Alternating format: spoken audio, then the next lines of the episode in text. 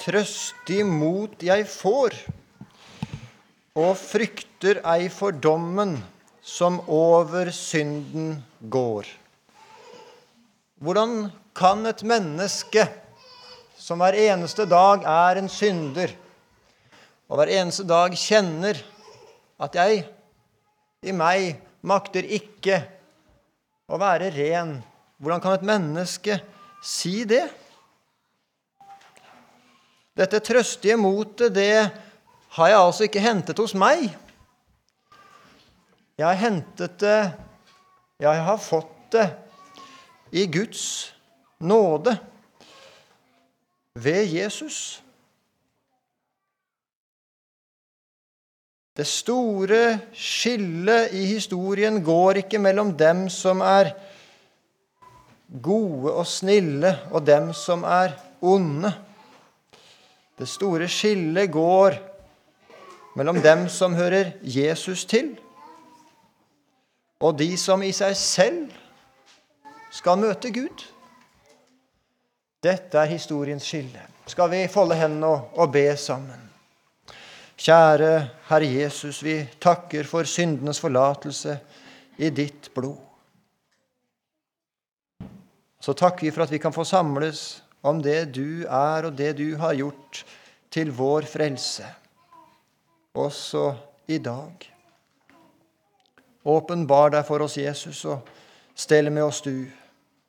Gi meg ord å gå med, og oss alle sammen ører å høre med. Amen. Vi skal lese sammen to av tekstene for dagen, og så skal vi så vidt innom den tredje. Vi skal lese sammen fra Første Mosebok 15, og vi leser 1-6. Overskriften over dagens preken det er 'Frykt ikke'. Frykt ikke. Første Mosebok 15, 1-6.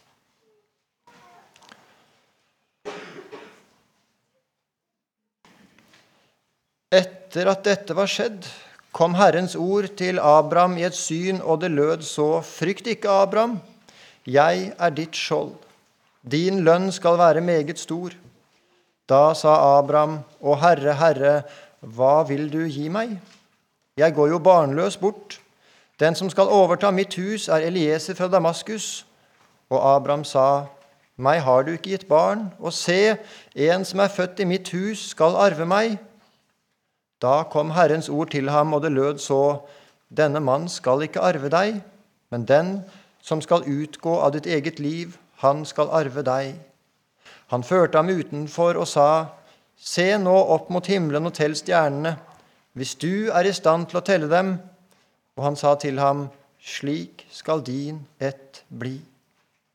Og Abraham trodde på Herren, og han regnet ham det til rettferdighet.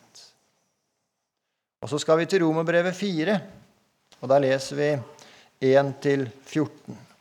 Romerbrevet 4, 1-14.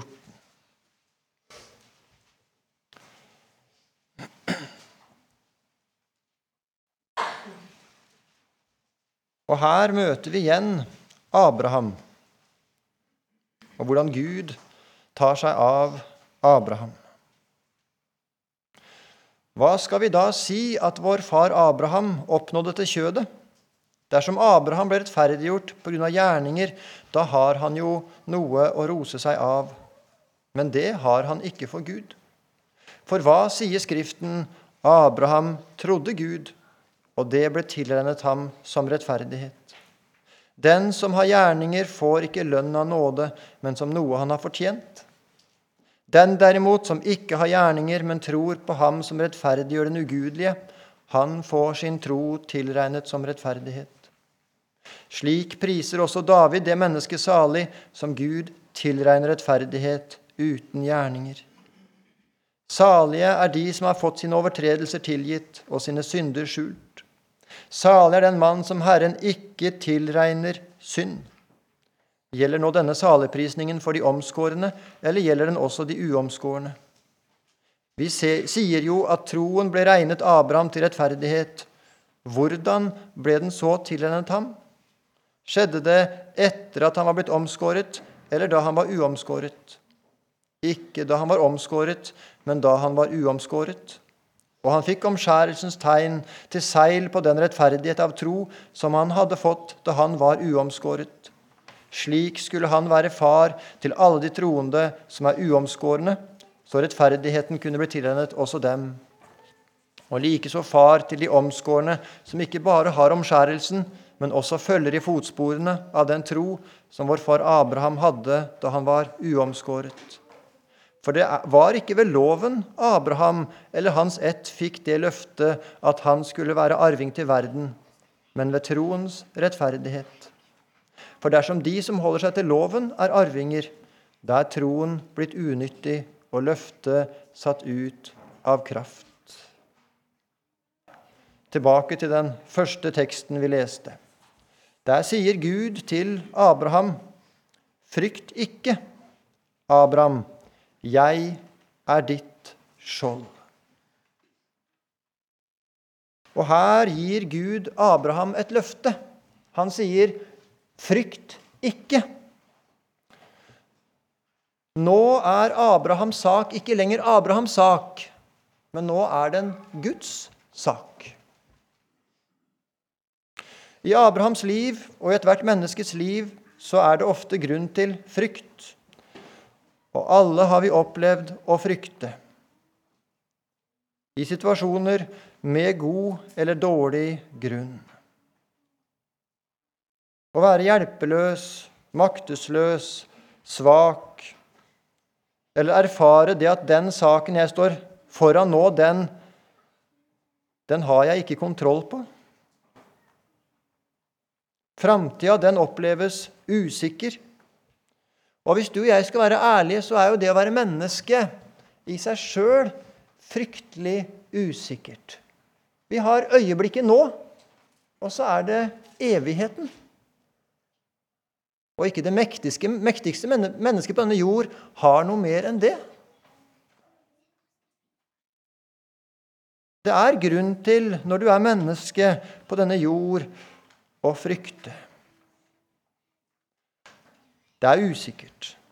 Og det er ikke det eneste, for denne verden ligger i det onde. I 2. Korinterbrev 4,4 så står det For denne verdens Gud har forblindet de vantros sinn. Satan kalles altså for denne verdens Gud. Denne verdens herre. Og sånn kan det virkelig erfares at denne verden ligger i det onde. Og det sier mye om livsvilkåret på denne jorda for alle mennesker. Og den som leser, hører og ser nyheter eller statistikk og historie, vet at det er sant. Denne verden ligger i det onde. Og vi som har lest om Abraham, vi vet at han hadde mektige fiender. Han hadde en usikker framtid, menneskelig sett, og hans eget kjød Ja, det var ikke mye å stole på. Og så sier altså Gud til Abraham, 'Frykt ikke, jeg er ditt skjold'. Og det Gud sier her til Abraham, det sier han til alle sine barn. Også til deg, om du er hans barn, så sier han det. Frykt ikke, sier han. Og han sier det til dåpsbarnet i dag. Det er jo lite som er så fullstendig hjelpeløst og ute av stand til å til og med gjøre rede for behov og ønsker. Når vi har et, lite sånt, et sånt lite barn i hendene, så lurer vi av og til på hva er det det trenger. For det kan ikke engang fortelle hva det trenger. Det gråter, og så må vi prøve å finne ut hva det er som er problemet.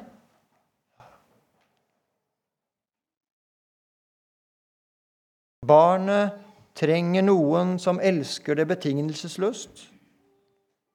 Og så trenger det noen som bærer kjærligheten til barnet i seg selv.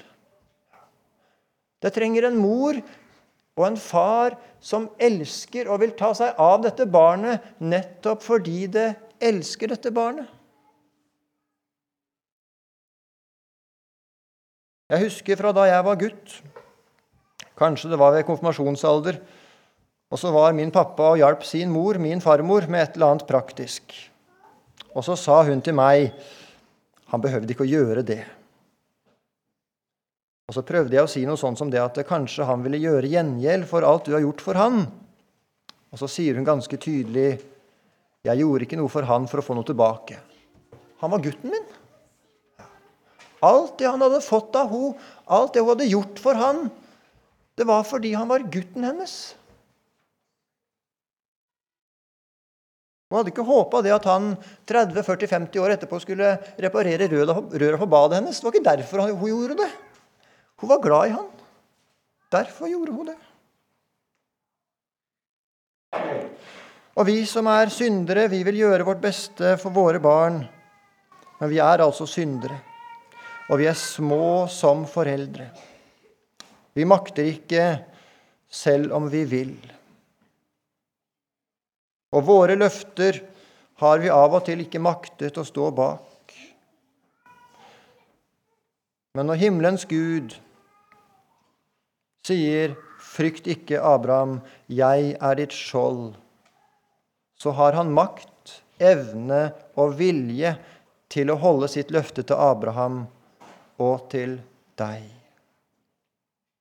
Derfor er Guds løfte til Abraham den største gave og sikkerhet Abraham kan få.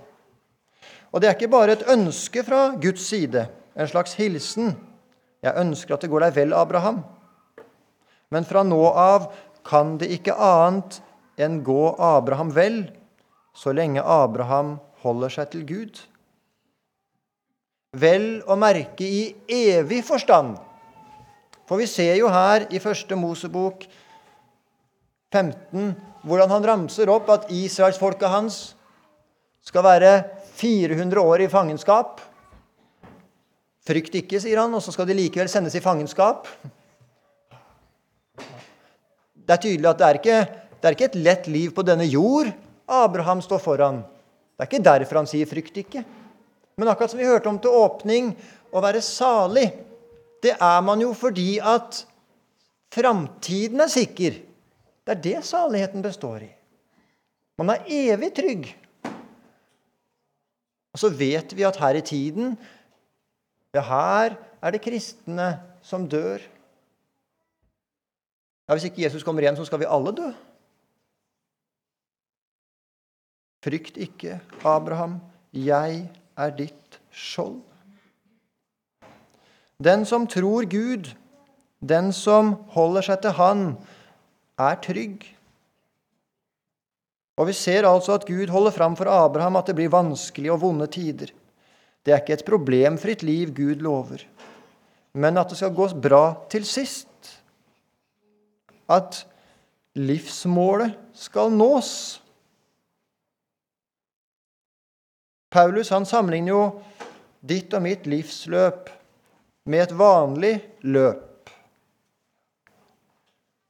Og hvordan er det? Når er det man vinner et løp? Er det den som ligger først når siste runden begynner? Nei. Det kan være det, men det er den som er først i mål. Og ditt livsmål, det blir nådd når ditt liv er endt, og du fortsatt hører Herren til. Ja, da er ditt livsmål nådd.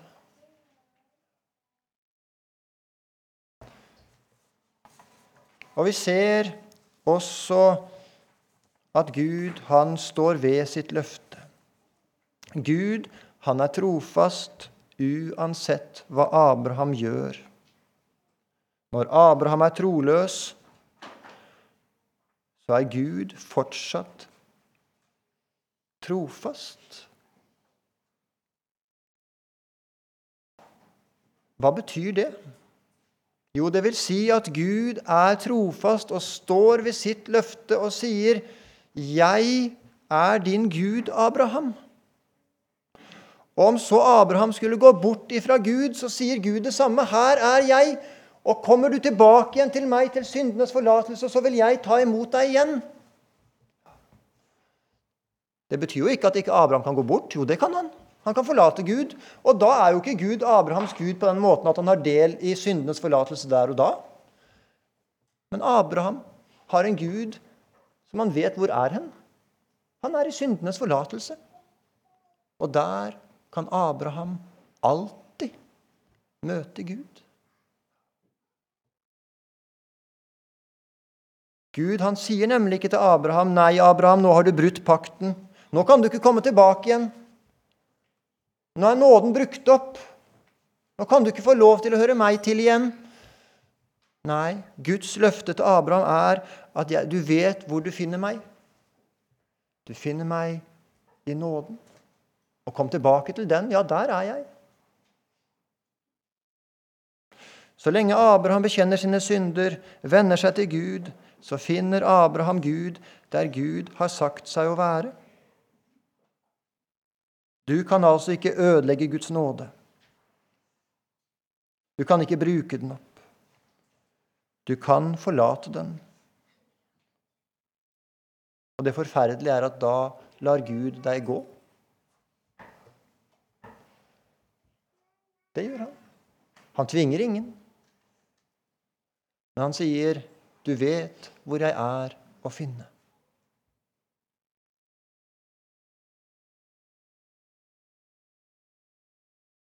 Guds trofasthet den kommer altså ikke av Abrahams trofasthet. Den kommer ikke av din trofasthet. Den kommer av Guds fars hjerte. Og Jeg vet at det sitter mennesker her nå som syns det er vanskelig å tro Guds nåde. De tror ikke rett. De makter ikke å leve som kristne. De strever med dårlig samvittighet, har gjort forferdelige ting som de med rette skammer seg over, men med urette frykter at Gud ikke kan tilgi. De sitter fast i synden og kjenner med rette at de ikke er i stand til å komme seg løs.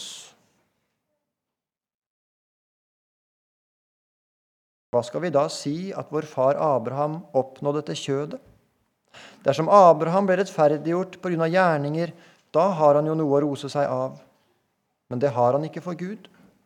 For hva sier Skriften? Abraham trodde Gud, og det ble tilregnet ham som rettferdighet.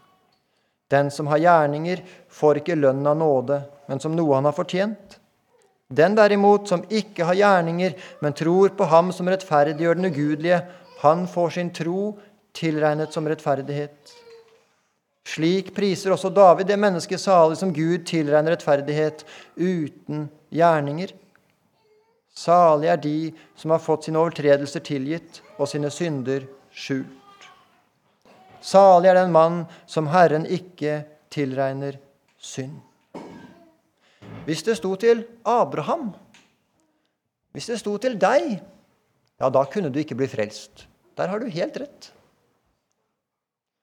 Hvis det var din samvittighet som skulle være ren fordi det var rent i ditt liv, ja, da kunne du ikke bli frelst. Det er helt sant. Og det var din tro det skulle stå på. Din synsbekjennelse og din synserkjennelse som Gud skulle møte deg på.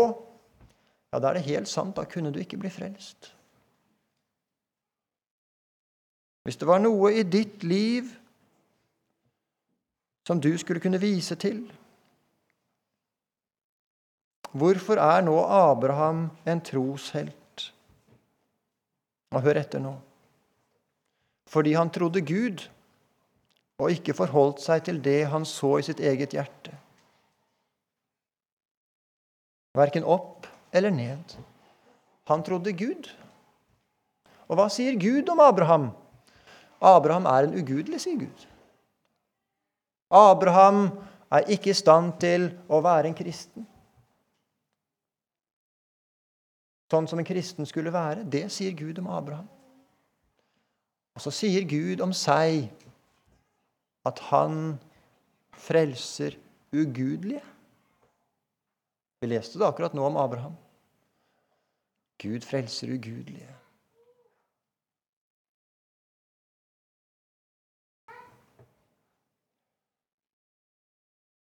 Abraham hadde mange gjerninger, sånn som du har mange gjerninger.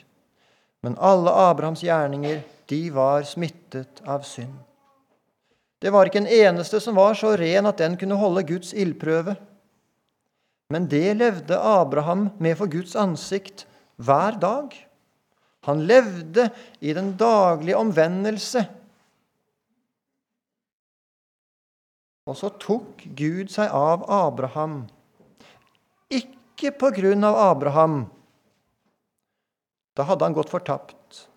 Men på tross av Abraham og på grunn av Guds kjærlighet til Abraham. Og derfor var Herren Herren umistelig for Abraham. Derfor var det en lidelse for Abraham å være en synder. Og derfor spurte ikke Abraham sitt hjerte om sannheten, men han spurte Gud, hva er sant? Hvilken vei skal jeg gå? For han kunne ikke miste sin frelser. Nå smakte ikke lenger synden for Abraham, sjøl om han hadde et kjød som hver en dag elsket synden. Og det hadde Abraham fram til sin dødsdag.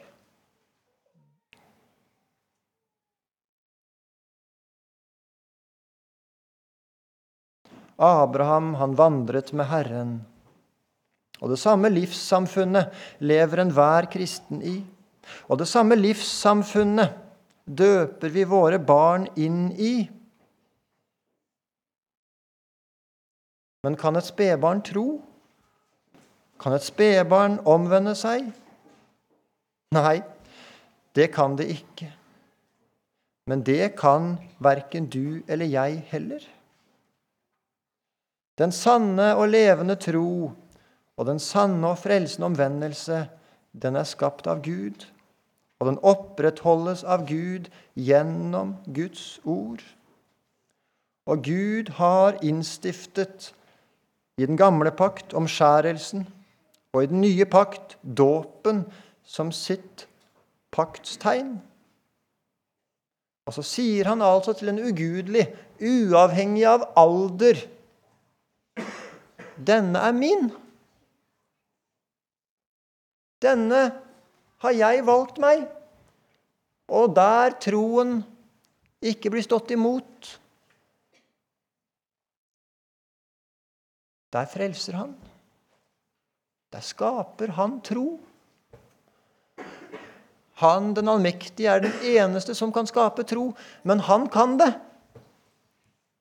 Og han vil det. Gjennom ordet og vannet.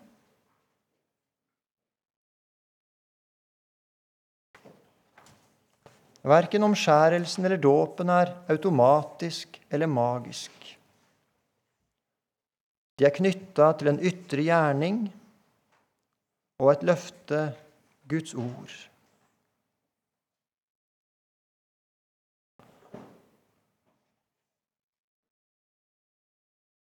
Og det deilige med å være luthersk, det er at jeg skal slippe å forstå dette med min forstand.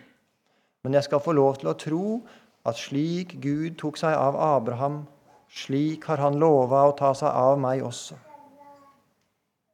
Løftet der den døpte hører til i en forsamling, hører Guds ord hjemme, og i forsamlingen og i hjemmet lever i syndenes forlatelse.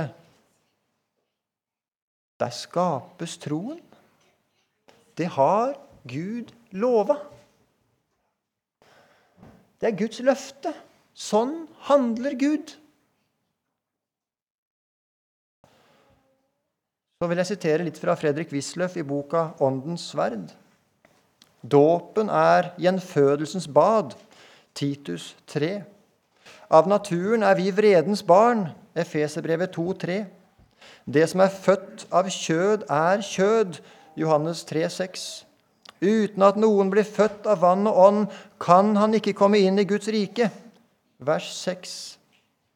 Dåpen frelser oss. 1. Peter 3,21. I dåpen får vi syndenes forlatelse og del i Den hellige ånds gave. Apostelgjerningene 2,38. I dåpen har vi alle fått én ånd å drikke. Første Korinterbrev 12, 13. Dåpen er Guds nådefulle handling i et syndig lite menneskehjerte. Intet kan erstatte dåpen, heller ikke troende foreldres bønner eller en kristen oppdragelse. Nei, vannet gjør det visselig ikke, men Guds ord som er med og hos vannet. Luther. Guds ord har gjenfødende kraft, enten dåpen foregår i en elv, i et basseng eller ved en døpefont. I dåpen er det Gud som handler. Gud alene, uten menneskets medvirkning. Gud er subjekt, den handlende, og mennesket er objekt, den passive det handles med. Og intet sted kommer det nådefulle så tydelig fram som i et barns dåp. Barnet gjør intet, skjønner intet, vet ikke engang om det som foregår. Gud gjør sin gjerning alene. Derfor taler vi da også om dåpen i passiv. Barnet blir døpt. I dåpen er himmelen gitt meg for intet, sa Luther. Sitat slutt. Hva er da troen? Jo, troen det er å forholde seg til Guds løfte og Guds løfte om frelse forholder seg til Guds hjerte, og det alene. I,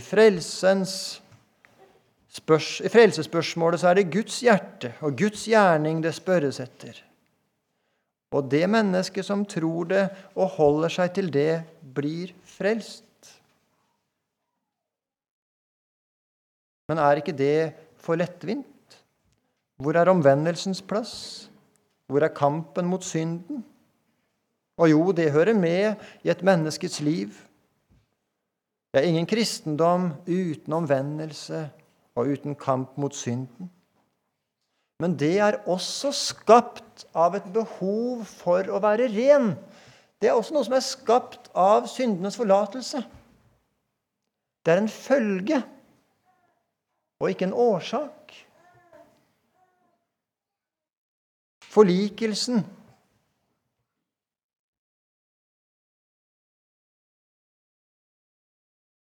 Det er to sider. Og Gud, han er forlikt. Det ble han på Golgata. Han er nådig.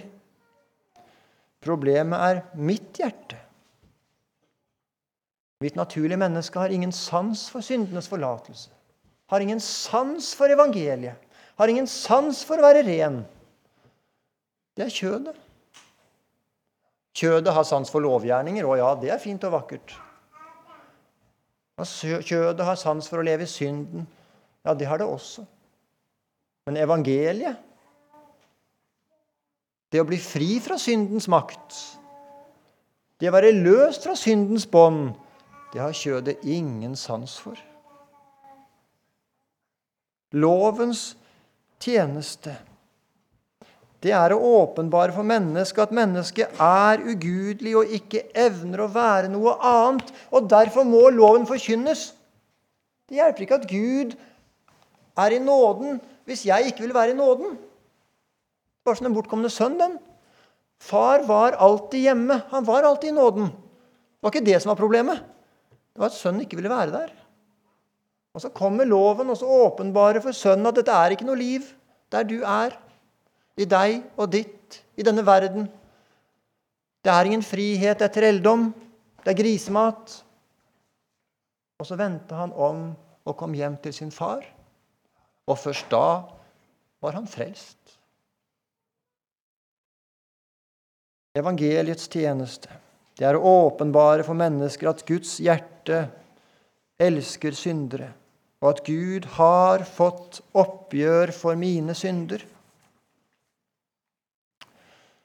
Dåpen er ikke en lovpakt der Gud ser etter omvendelse, troskap og overgivelse. Det Av og til det forkynnes sånn om loven. Hvis ikke det er tro, så kan det ikke døpes. Men dåpen er ikke en lovpakt. Dåpen er en nådepakt, der Gud selv gir troen til en ugudelig og uverdig som ikke står Guds nåde imot. Dåpen er altså ikke en lovpakt. Den forutsetter ikke tro som et krav. Men dåpen er en nådepakt hvor Gud ved ordet og vannet skaper troen og tilliten til seg av intet. Og troen er heller ikke en forstandssak, ikke en følelsessak, ikke en viljesak. Kristenlivet er livssamfunn med Jesus. Johannes 15, 15,5.: Jeg er vintreet, dere er grenene. Og det er det underlige med å være en kristen at jeg som er en synder, kan ha samfunn med Gud i god samvittighet fordi Jesus har gjort meg ren. Så det som altså bor i mitt hjerte, mitt gamle menneske, det ser ikke Gud til.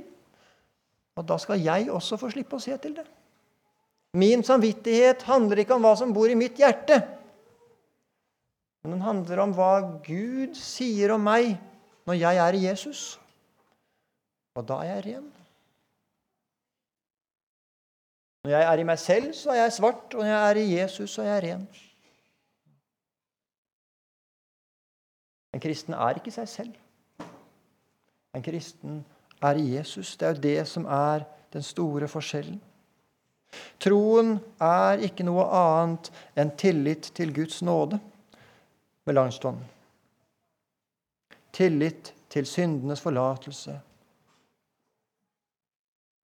Er i stand til å gjøre meg ren for Gud. Galaterbrevet 3, 27. Dåpen er å bli iført Kristus, ikledd Jesus. Og til slutt dåpen har makt til to ting. Makt til å tilby og fremby syndenes forlatelse. Gud bevitner at han er fullkommen forsonet i Gud, i Kristus, og at han elsker syndere.